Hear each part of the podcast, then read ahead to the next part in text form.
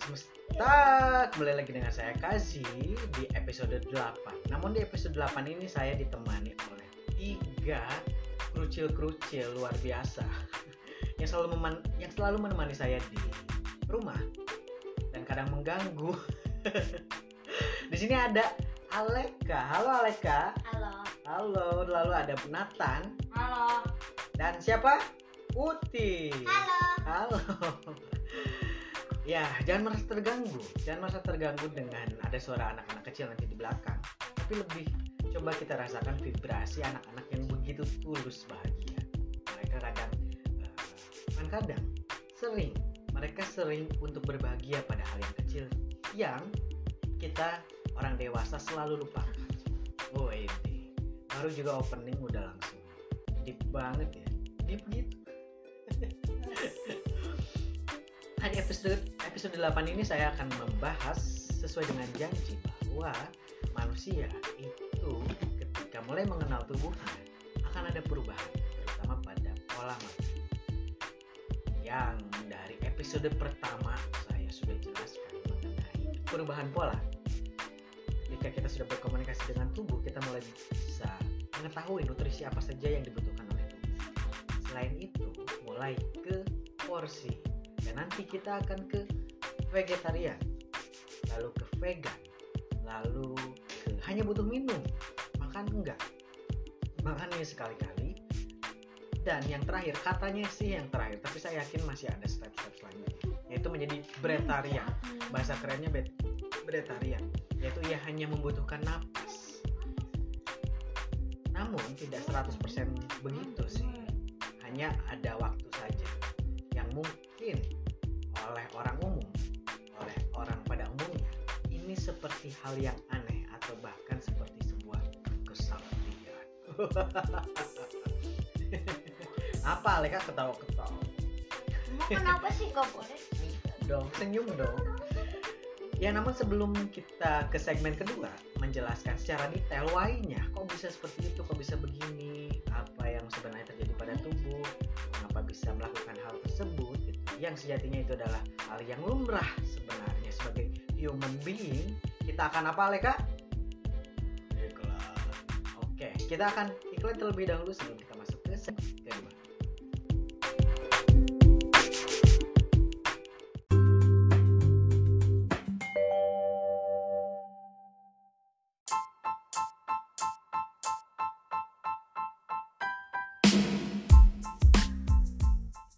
Bagi para kesayangan semesta yang ingin mendalami tentang meditasi bersama kristal, kami, saya dan tim, mendedikasikan dua buah program yang bisa membantu para kesayangan semesta untuk mendapatkannya. Jadi untuk program pertama, namun ini masih basic, yaitu Crystal Self Potential Manifestation bersama saya. Jadi CSPM Basic adalah program pendampingan bagi yang ingin mengoptimalkan potensi dan pengenalan diri yang terbantukan oleh kristal yang merupakan warisan nanoteknologi leluhur dengan tujuan keselarasan semesta besar, alam dan kecil, tubuh yang dibantu meditasi hening bersama kristal di mana selama ini pikiran dan tubuh tidak terkoneksi secara sadar. Pun pada semesta langgeng atau sang diri sejati atau jiwa.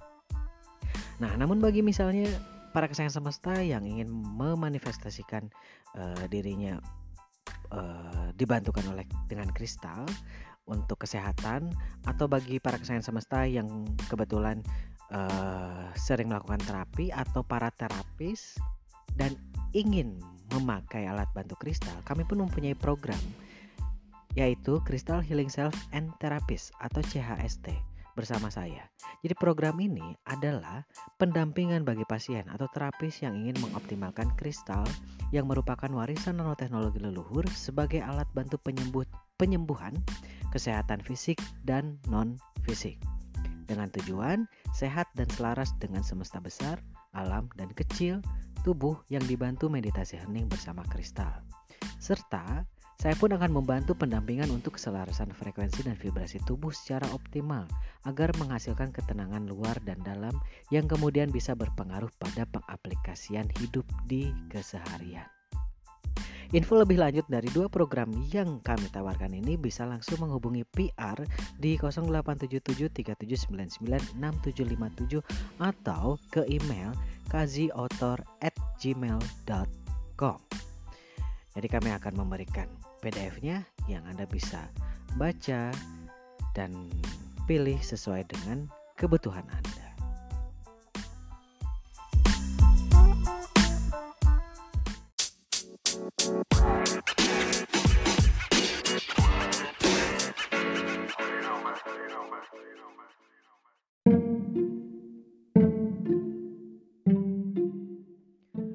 Rahayu, rahayu, rahayu.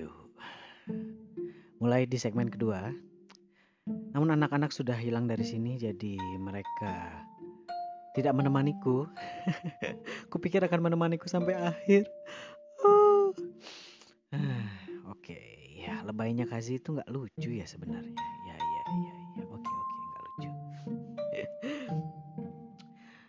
di di episode 8 akhirnya kita sudah sampai episode 8 ada hal yang menurut saya ini cukup unik. Uh, hal yang sudah biasa sebenarnya, tapi yang kali ini begitu unik.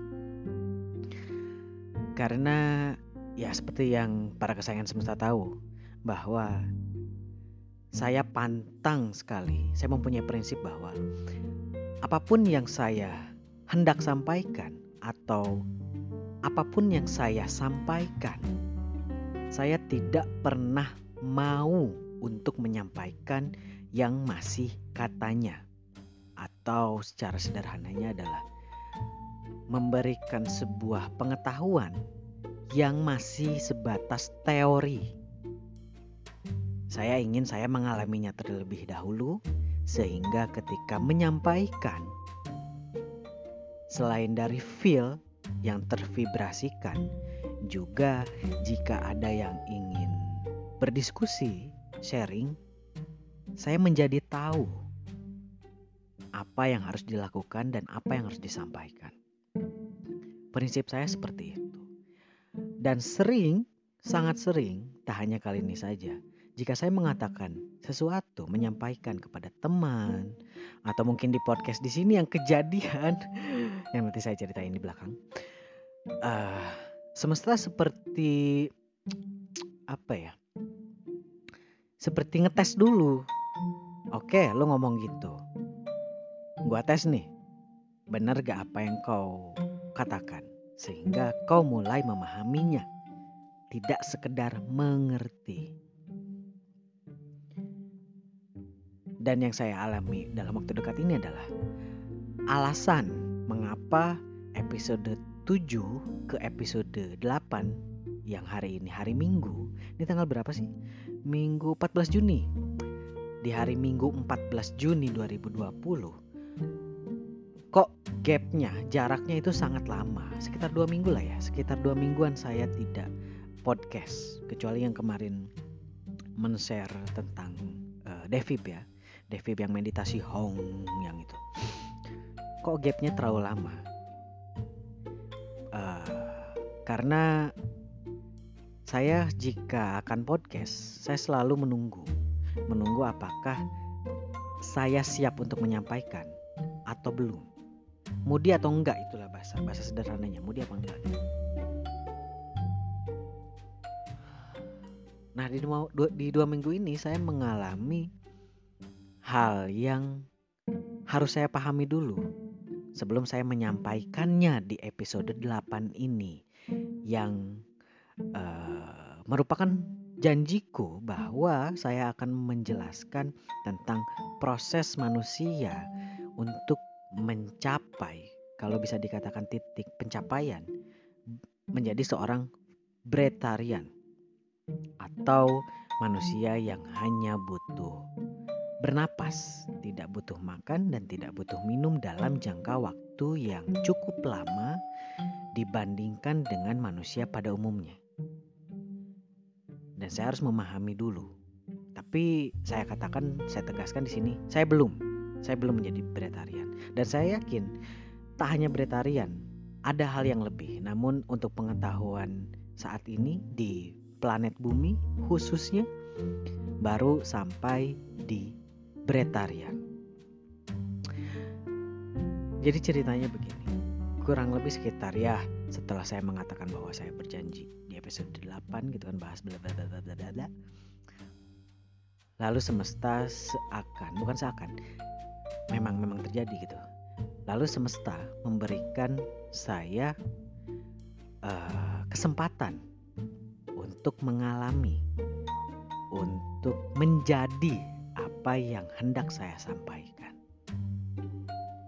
Saat itu jika menjadi uh, memilah makanan gitu kan, memilah oh saya butuh butuhnya nutrisi apa, itu sudah terlewati, sudah terlampaui lah kalau saya katakan.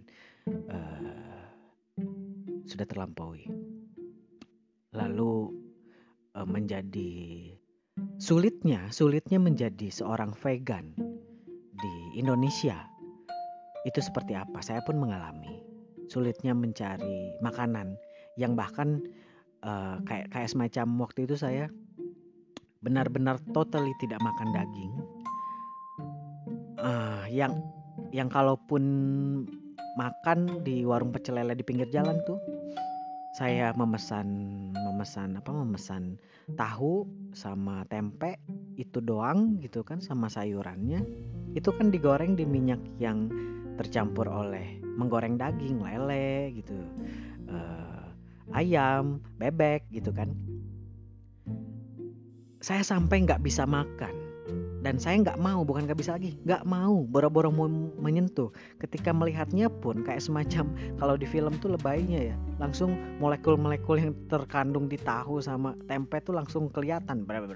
Gitu kan. Aku mengandung ayam aku mengandung sari bebek gitu aku mengandung sari lele gitu. Dan itu benar-benar nggak bisa saya makan dan juga pengalaman saya waktu itu beli soto. Dan saya tidak makan telur gitu kan. Uh, waktu itu saya tubuh saya menolak telur juga. Telur tidak uh, melainkan sayurannya aja. Sayurannya soto apa sih? Soto padang gitu kan ada soto padang lah. Dan ketika disuguhkan saya langsung mengatakan uh, waktu itu saya bersama teman yang ia pun berproses menjadi uh, seorang vegetarian jadi tubuhnya menolak memakan hewan-hewan yang berkaki empat, ya daging. Saya bilang, wah bro, kayaknya ini kuahnya ini dari sapi deh, kuah sapi. Enggak, ini enggak ada daging sapi. Iya, memang enggak ada daging sapi, tapi kuahnya nih kuah sapi. Beneran enggak bisa makan? Tanyanya. Enggak, gua enggak bisa. Terus gimana dong? Masa dibalikin lagi? Gak apa-apa lah uh, saya pura-pura buru-buru aja kebetulan kan kebetulan kan saya mau pergi nih. Saya bungkus aja lah biar biar enak sama pedagangnya gitu. Akhirnya saya bungkus dan saya tidak makan sama sekali. Dan kemudian teman saya ini yang yang apa? Yang vegetarian yang mulai vegetarian kan dia tetap makan. Dan dia mengaku setelah itu dia mual pusing. Karena makan daging tubuhnya nolak langsung muntah Wah, Hazi katanya. Ah lo enak eh belum makan lo udah bisa mendeteksi gitu kan. Ini mengandung apa? Gua belum eh gitu. Ya nggak apa-apa namanya juga proses. Saya katakan begitu. Dan di dua minggu saat ini dua, dua, dua minggu kemarin saya mulai tidak mau makan. Hanya minum. Karena saya merokok hanya merokok minum itu pun diselang-seling nggak jaraknya tidak terlalu uh, dekat. Sehari dan itu pun masih hanya sebatas uh, makan satu hari. Satu hari makan da eh satu hari makan. Sa makan satu hari makan satu kali dan itu pun porsinya tidak banyak. Seperempat lah nasi kucing. Setelah itu selesai Lalu beberapa hari kemudian mulai naik harinya. Dua hari, saya dua hari tidak makan. Dua hari makan satu kali. Dengan porsi yang sangat sedikit. dan itu tidak menimbulkan rasa lapar. Tidak lemas, perut pun tidak kerubuk-kerubuk gitu kan. Karena doktrin manusia saat ini adalah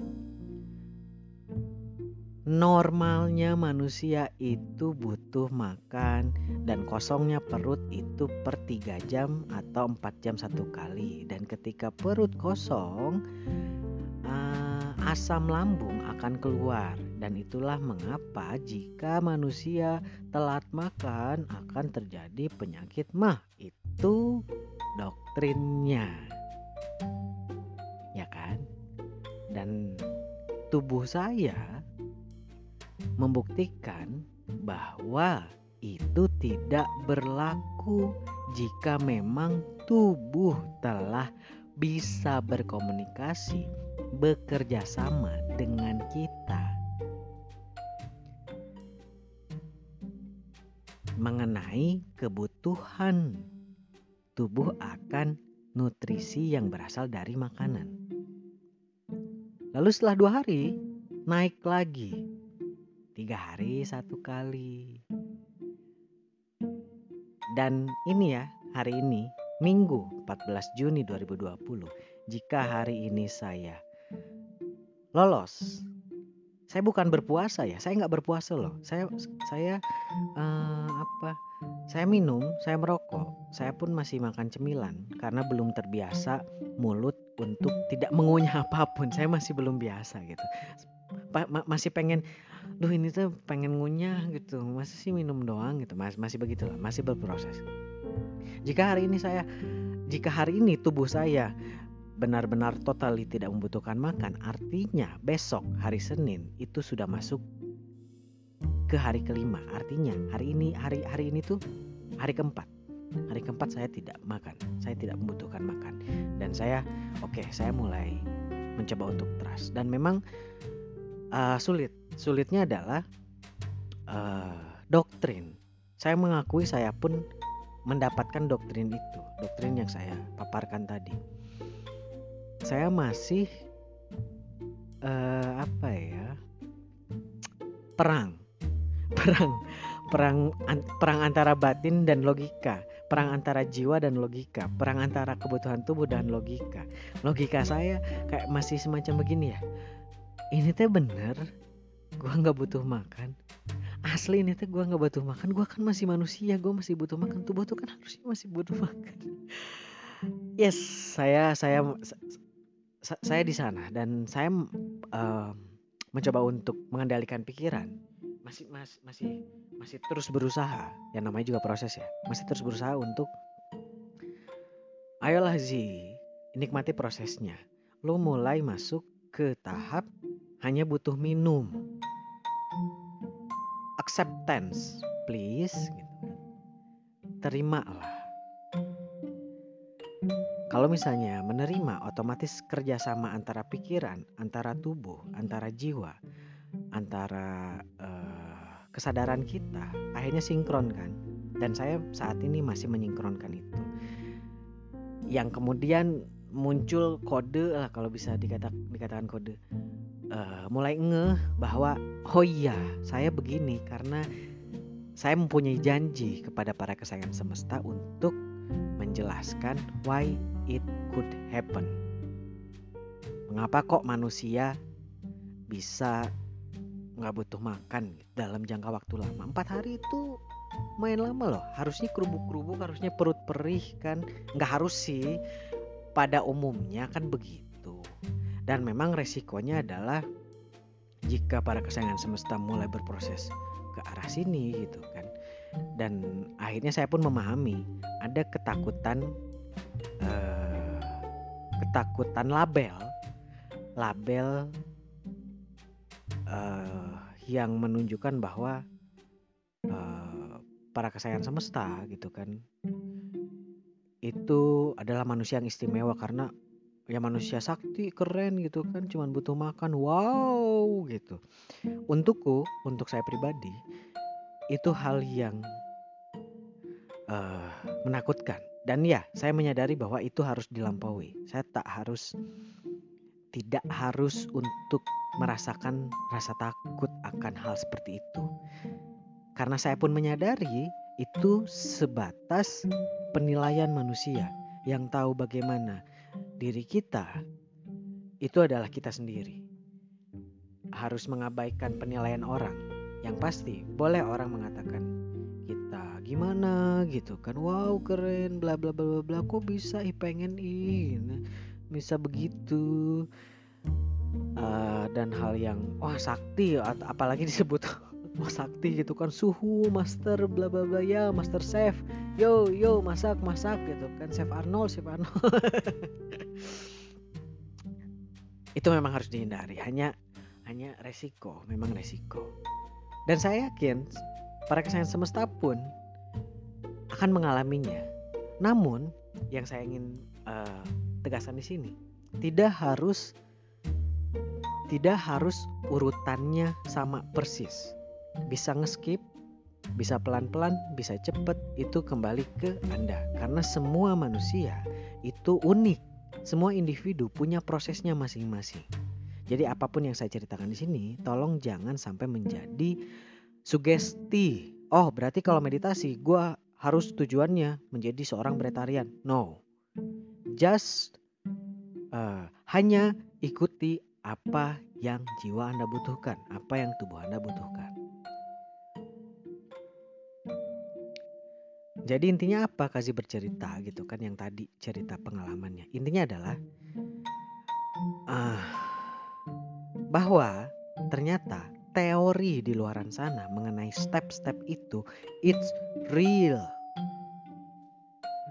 Saya menyaksikannya sendiri. Saya bersaksi atas diri dan jiwa saya sendiri terhadap tubuh saya sendiri. Teori di luaran sana yang mengatakan bahwa semakin Anda mengenal diri, mengenal tubuh. Sekali lagi saya selalu berbicara, jangan jauh-jauh sok-sokan ingin mengenal orang lain, ingin mendeteksi orang lain, ingin me, apa, merasakan energi orang lain, ingin merasakan vibrasi orang lain, ingin bisa mendeteksi, men-scanning orang lain, tapi men-scanning diri sendiri tidak mampu. Dan saya bersaksi atas tubuh saya sendiri saya bersaksi atas jiwa saya sendiri bahwa dengan mengenal diri, salah satunya mengenal tubuh, step-stepnya sampai menjadi bretarian. Ini benar-benar terjadi. Dan ini bukan sekedar hal yang luar biasa, apalagi disangkut pautkan dengan klinik ilmu gitu ya. Dia ngelmu akhirnya mutih gitu kan. No. Ini benar-benar murni human being. Ini benar-benar murni kemampuan alami manusia. Itu yang harus disadari. Itulah yang disebut dengan kesadaran. Menyadari semua Kok bisa? Oke, balik lagi. Ah, kok bisa? Saya akan memaparkan secara sederhana. Semoga sudah sangat-sangat sederhana. Saya yakin para kesayangan semesta sudah mengetahui bahwa seluruh benda, baik itu benda cair, benda padat, cahaya, benda halus seperti angin gitu kan, udara. Seluruhnya. Bahkan dark matter di langit gitu kan, energi uh, dark energy di apa di angkasa itu pun merupakan se merupakan susunan dari atom-atom dari quarks quarks yang menyatu quarks. Quarks itu lebih kecil dari atom bisa Google yang tulisannya Q U A R K. Quark. Saya baru me, memahami tentang quark kemarin. Dan ketika atom-atom tersebut tersusun sedemikian rupa dengan penyusunnya masing-masing menjadi nutrisi kita kerucutkan ya menjadi nutrisi menjadi energi vitamin protein gitu kan eh, zat besi dan lain-lain yang dibutuhkan oleh tubuh. Itu semuanya terdiri dari atom. Yang tujuan kita makan dan minum itu adalah untuk mendapatkan susunan atom-atom tersebut yang menjadi energi, yang menjadi protein, yang menjadi sama amino, vitamin, zat besi gitu kan. Kalau misalnya kita logikanya, jika kita bisa men-skip atau memotong rantai memotong rantai pencernaan, memotong rantai eh, apa yang dibutuhkan oleh tubuh. Yang susunan awalnya adalah makanan, eh, contohnya apa ya? Daging ayam deh. Kita makan daging ayam, lalu di, daging ayam tersebut dicerna oleh sistem pencernaan. Ketika dicerna, itu sari-sarinya diperas yang kemudian susunan atom protein, karbohidrat, lalu ada eh, zat-zat uh, yang lain dari situ yang diambil. Jadi bukan daging ayamnya kan, yang dicari adalah susunan atom-atom yang ada di daging ayam, yang sudah tersusun di daging ayam dipecah lagi terus jadi apa yang kita butuhkan. Paham nggak sampai sini? Paham ya? Pasti paham. Nah berarti kan yang kita butuhin sebenarnya bukan makanannya ya. Tapi apa yang terkandung di dalam makanannya. Bagaimana jika kita memutus rantai tersebut? Toh kita butuh makanannya. Katakan protein ya. Kita sederhanakan lagi. Katakan saya cuma butuh proteinnya kok. Protein hewani dari ayam yang kebetulan saya punyanya daging ayam. Mengapa saya tidak perlu makan ayam? Toh saya butuh proteinnya kan, saya butuh protein hewani. Ya udah, saya ambil aja atom-atom yang berada di sekitar dan saya susun menjadi protein hewani. Jadi saya nggak perlu makan daging ayam. Toh yang saya butuhin itu kok. Yang arti lainnya yang arti lainnya lagi adalah sistem sistem pencernaan kita itu bisa istirahat karena kita bisa langsung mengambil proteinnya dari alam. Dan ketika sistem pencernaan itu beristirahat, maka energi yang dihasilkan dari kita mengambil nutrisi, kita mengambil zat-zat yang dibutuhkan oleh tubuh, itu bisa lebih optimal disalurkannya ke mana. Katakan, ini mencerna dari total 100%, tubuh harus me, apa ya, menyediakan, menyediakan sekitar 20% untuk sistem pencernaan, untuk energi di sistem pencernaan. Untuk energi bensinnya di pabrik pencernaan. Nah, ketika pabrik tersebut tutup atau diistirahatkan libur, otomatis 20% ini nganggur kan. Nah, yang nganggurnya ini akhirnya bisa kita salurkan kepada hal yang lain. Apa pun itu diserahkan kepada Anda, mau di, di mau dikemanakan gitu. Itulah. Saya nggak tahu ini apakah sudah sangat sederhana apakah pemaparannya begitu uh, gentre apa ya gentre itu ya? Begitu jelas atau enggak? Uh, saya harap cukup jelas harapannya sih begitu kalau enggak ya tinggal message tinggal inbox tinggal japri ke WA ya kan uh, silahkan jangan sungkan intinya adalah makanan sebenarnya itu hanya sebagai sarana kita mendapatkan atom-atom tertentu yang sudah terbentuk. Jadi kita cerna, lalu kita ambil. Jadi apa salahnya? Apa salahnya jika ternyata manusia mempunyai kemampuan untuk mengambil langsung dari alam? Bisa terbayang, tidak akan ada lagi ratusan juta hewan mati tanpa dibunuh, dibegal, eh dibegal, dipenggal, dijagal tanpa perasaan oleh manusia hanya untuk memenuhi rasa lapar mereka. mereka. Dari sana alam mulai ya kalau lebih jauh alam mulai sinkron, alam mulai selaras. Dan jiwa-jiwa yang mati, jiwa-jiwa hewan yang mati yang nggak mati secara percuma. Percuma dalam artian karena keserakahan manusia. Hanya ingin memenuhi rasa lapar.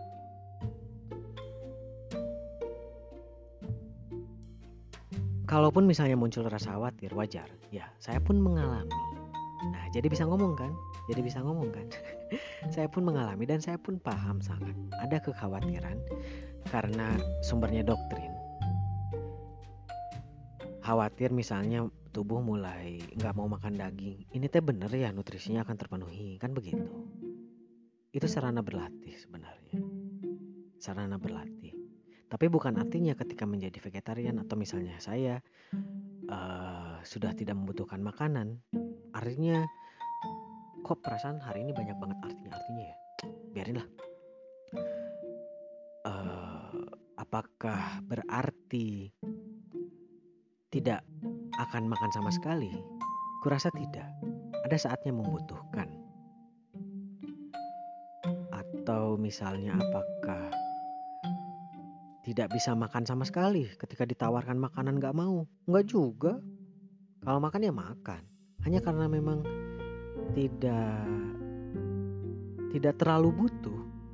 Kalaupun misalnya makan, saya pun di sini kadang suka ada yang nawarin makanan gitu kan ya tetap saya makan masa saya tolak sih ya tetap saya makan namun ketik namun makannya itu tidak memakai nafsu yang begitu memuncak pengen sampai kenyang gitu atau apa. Akan muncul semacam alarm di tubuh tuh udah cukup. Dan jangan pernah khawatir kelaparan. No nggak akan nggak akan lapar nggak akan. Lo bisa bayangin, para kesayangan semesta bisa membayangkan jika seluruh manusia mulai memahami bahwa kemampuan mereka itu bisa memilah makanan yang dibutuhkan dan tidak.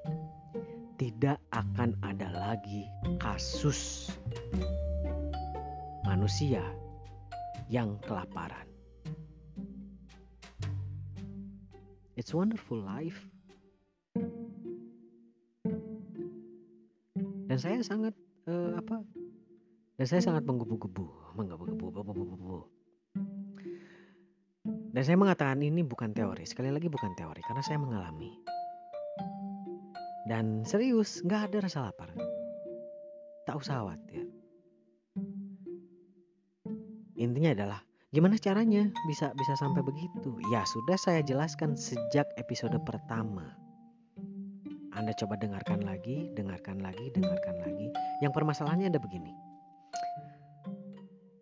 Saya tipe manusia yang ketika menyampaikan itu tidak ada kesimpulan.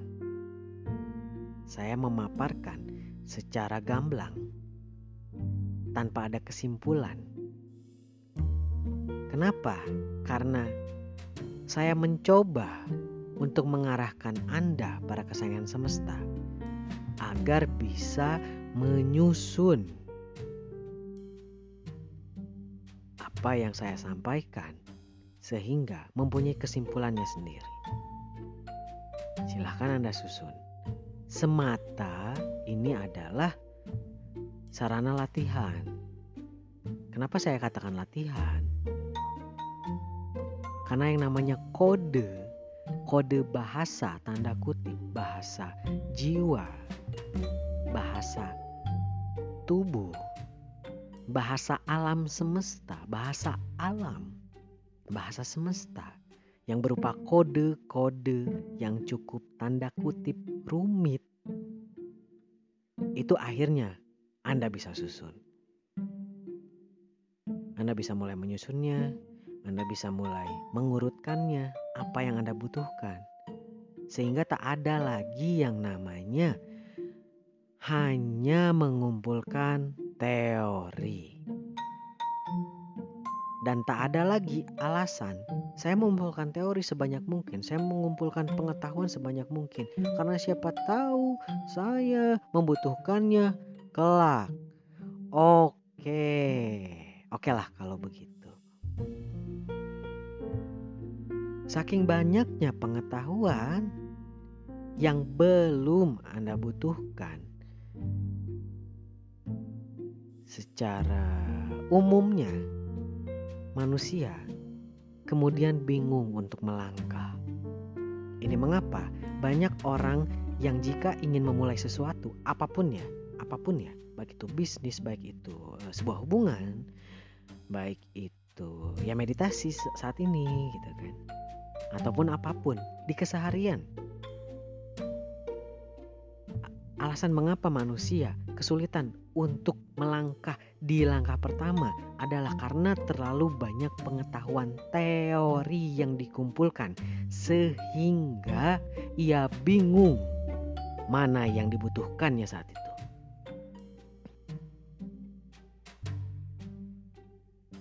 Manusia bijak itu adalah manusia yang tidak malu untuk mengatakan, "Aku tidak tahu." Jika ada orang lain yang mengatakan, wah lu mah gak tahu apa-apa, tak masalah. Itu sebatas penilaian manusia. Yang tahu Anda sendiri adalah Anda. Jadi jika di 30 menit ini saya pemaparan saya, Anda masih bertanya, jadi caranya bagaimana? Anda dengarkan lagi. Anda dengarkan lagi di ep, dari episode pertama dan Anda pilah, Anda saring, Anda susun sesuai dengan gaya Anda. Untuk kemudian mempraktekannya, mengaplikasikannya kepada kehidupan. Makanya, mohon maaf jika apa yang saya paparkan ini selalu ngambang, terkesan ngambang. Karena saya memberikan kesempatan kepada Anda para kesayangan semesta untuk mengolahnya, menganalisa. Yang tujuannya adalah suatu saat Anda akan meninggalkan saya. Anda sudah tidak membutuhkan saya lagi. Karena saya tidak mau Anda para kesayangan semesta berakhir menjadi uh, apa sih namanya bergantung. Dikit-dikit nanya makasih dikit-dikit nanya makasih saya sebenarnya tidak mengharapkan itu. Saya mengharapkan pengetahuan yang saya sampaikan baik di buku ataupun di podcast ini sudah di bawah level Anda yang akhirnya Anda mencari guru-guru lain yang akhirnya Anda menemukan guru sejati di dalam diri Anda sendiri. itu adalah sebuah dasar yang harus Anda pegang. Yang notabene garis bawahi, Anda sudah mulai bisa memilah mana yang berasal dari ego dan mana yang berasal dari jiwa, mana yang hanya halusinasi dan mana yang benar-benar suara murni. Untuk mengetahui itu, mari kita berjalan bersama. Mari kita saling menemani. Karena saya di sini bukan guru. Saya di sini bukan guru. Saya memposisikan diri bukan sebagai guru Anda, tidak sama sekali. Saya hanya share dari pengalaman saya. Yang kemungkinan lebih dahulu startnya. Dan tidak ada yang tidak mungkin. Mungkin, mungkin deh. Saya mungkin saat ini startnya lebih dulu. Tapi siapa tahu ada salah satu di antara Anda atau mungkin Anda sendiri yang ternyata wush, ngebut dan beberapa langkah di depan saya. Semua baik adanya. Tinggal nikmati prosesnya.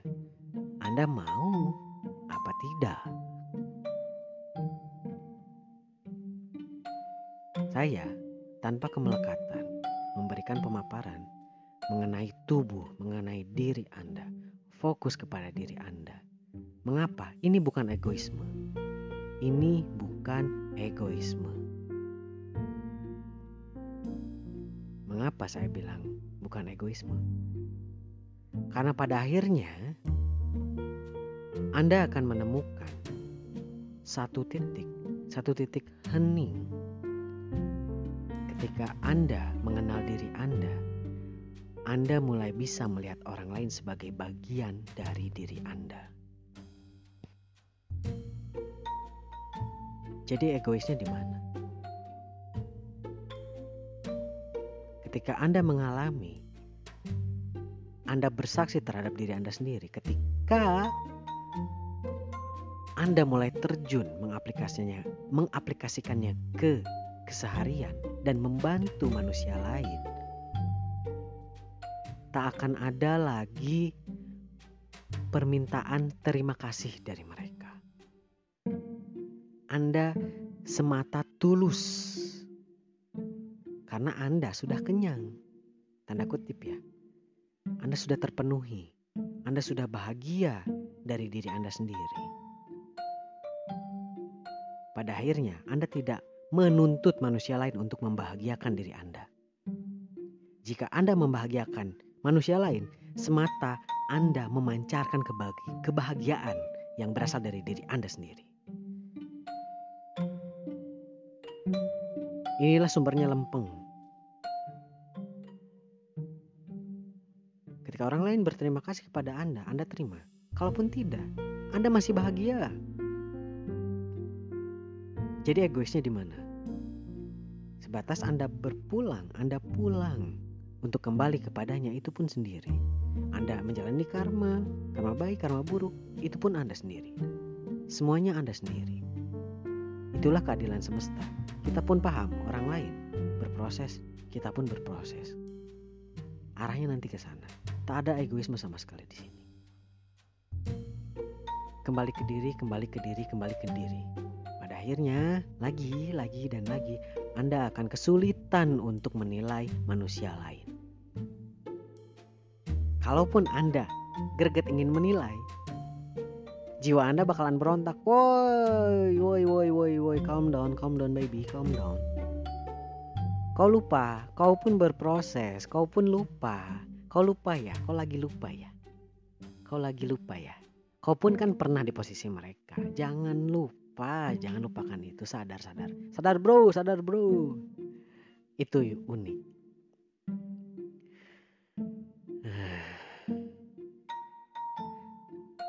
Sebenarnya manusia itu mempunyai kemampuan yang luar biasa. Selain dari soal makanan, soal tubuh.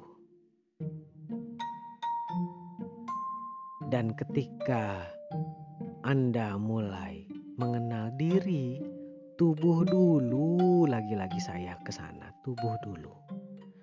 Baru jiwa, lalu temukan guru sejatimu, untuk kemudian membuka wawasan, membuka mata, membuka mindset yang kita akan berkoneksi dengan seluruh makhluk dalam semesta ini. Yang bisa dikatakan kalau saya ingin memberi clue bahwa para manusia langit itu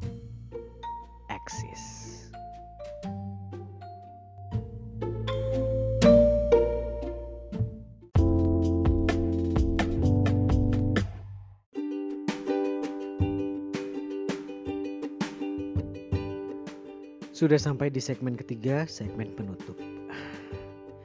Namun sebelum ditutup, saya ingin menambahkan sesuatu yang belum tersampaikan di segmen kedua tadi. Saya ingin menyampaikan bahwa untuk mengubah atom-atom di alam menjadi nutrisi yang tubuh butuhkan itu tidak harus mempunyai embel-embel yang namanya ilmu-ilmu tertentu atau jurus-jurus tertentu. Atau yang sering saya dengar adalah pertanyaan.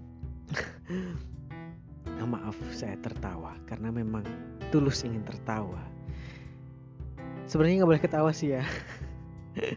Hanya sebatas ke, uh, sebatas uh, hal yang belum tahu. Makanya saya beritahu lah gue ngasih tahu loh nih gitu.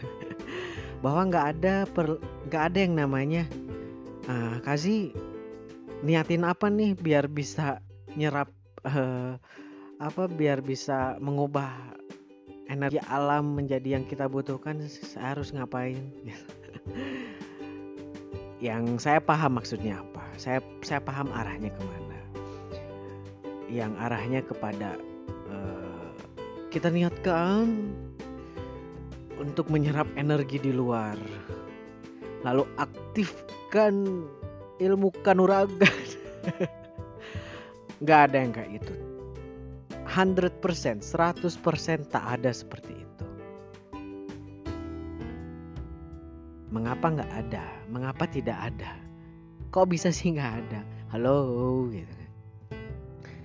Halo, ketika tubuhmu sudah meminta diri Anda melakukan uh, menjadi vegetarian, menjadi hanya butuh minum atau bahkan uh, lo nggak butuh minum, nggak butuh makan, energi lu tinggal serap. Artinya tubuh Anda, diri Anda, kemampuan alami manusia yang berada di dalam diri Anda itu sudah otomatis siap Anda gunakan. Sama halnya seperti ketika mencerna, Anda tidak perlu menyuruh-nyuruh, eh lambung oke niatkan lambung mencerna. Oh ini udah masuk ke ini nih, khusus 12 jari harus ngapain nih si hati? Oh iya merilis. Merilis pro vitamin A untuk mencerna uh, vitamin A anti racun ini ini ini ini anti racun. Nih oh dia dia dia dia. Dia udah udah mau sampai nih ke ke hati nih oke ini nih sepertinya harus begini. Oh dia udah sampai. Ah udah udah nggak usah kayak gitu. Semua kan berjalan alami. Apa yang terjadi pada tubuh anda? Anda tetap sehat anda tetap berenergi anda tetap energi. Anda nggak lemas anda nggak lesu lemah letih lesu tak perlu bukan tak perlu nggak akan kayak gitu itu akan secara alami. Jadi nggak ada yang namanya begitu-begituan. Kalaupun bisa di luar sana ada yang begitu, ya no comment deh. no comment. Oke, sekarang kita penutup. Malah panjang lagi nanti kan. Ah, terima kasih. Terima kasih kepada para kesayangan semesta yang sudah uh, mendengarkan sampai episode 8. Saya mengaturkan nuhun nuhun nuhun nuhun. Dan saya menunggu, saya menunggu sharing Anda karena saya yakin, saya sangat yakin saya tidak sempurna dan siapa tahu puzzle perjalanan jiwa saya, puzzle untuk bekal perjalanan saya menuju pulang mungkin ada di Anda. Ayolah sharing. Jadi jangan saya doang yang ngomong, please. Ya Allah, saya pun butuh. ya, untuk sharingnya, saya harap Anda masuk ke Anchor, Anchor FM, Anchor.fm dan di sana ada message, voice message. Anda bisa berbicara di sana, mensharingkan di sana. Karena siapa tahu juga di luar sana, para kesayangan semesta yang lain, teman-teman kita yang lain, saudara-saudara kita yang lain, ternyata membutuhkan sharing dari Anda, tidak hanya dari saya. Jikalau ada yang ingin konsultasi, Anda bisa masuk ke Instagram saya di @kaziautor. Q A z e e dot atau titik autor a u t h o r atau bisa langsung ke Facebook yang punya Facebook di facebook.com garis miring kazi g o g atau bisa langsung ke WA, langsung via WA di 0877 3799 6757 dan jangan lupa jika via WA tolong sebutkan nama agar saya tahu dan bisa berkenalan. Ya, di episode 8 itu saja. Semoga bermanfaat. Semoga kita bisa sharing-sharing lagi dan saya pun masih berproses ini untuk penerimaan, penerimaan terhadap diri, uh, menerima bahwa saya tidak lagi menikmati rasa makan, tapi justru menikmati kebahagiaan menjadi diri sendiri, kebahagiaan menjadi uh, manusia seutuhnya manusia murninya manusia. Ya, begitu pula dengan Anda. Jangan berhenti untuk berproses. Jangan pernah takut untuk memulai. Dan jangan pernah berpikir bahwa semuanya instan tanpa proses. Karena kalaupun di luar sana ada yang instan, tentu hasil kepada jiwa, kepada diri kita secara emosi, secara pin mental, secara pengetahuan, secara pemahaman. Anda sendiri pasti paham maksud saya. Akan muncul perbedaan di sana. Namun, jangan sampai karena perbedaan hal tersebut menjadikan diri kita merasa istimewa. Melainkan semua berproses semua manusia, semua individu melakukan perjalanannya masing-masing. Hanya kita mau saling menemani atau tidak. Dan saya pun ingin ditemani oleh Anda semua. Kita saling menemani, kita saling sharing, kita saling menukar bekal untuk perjalanan jiwa untuk kembali pulang.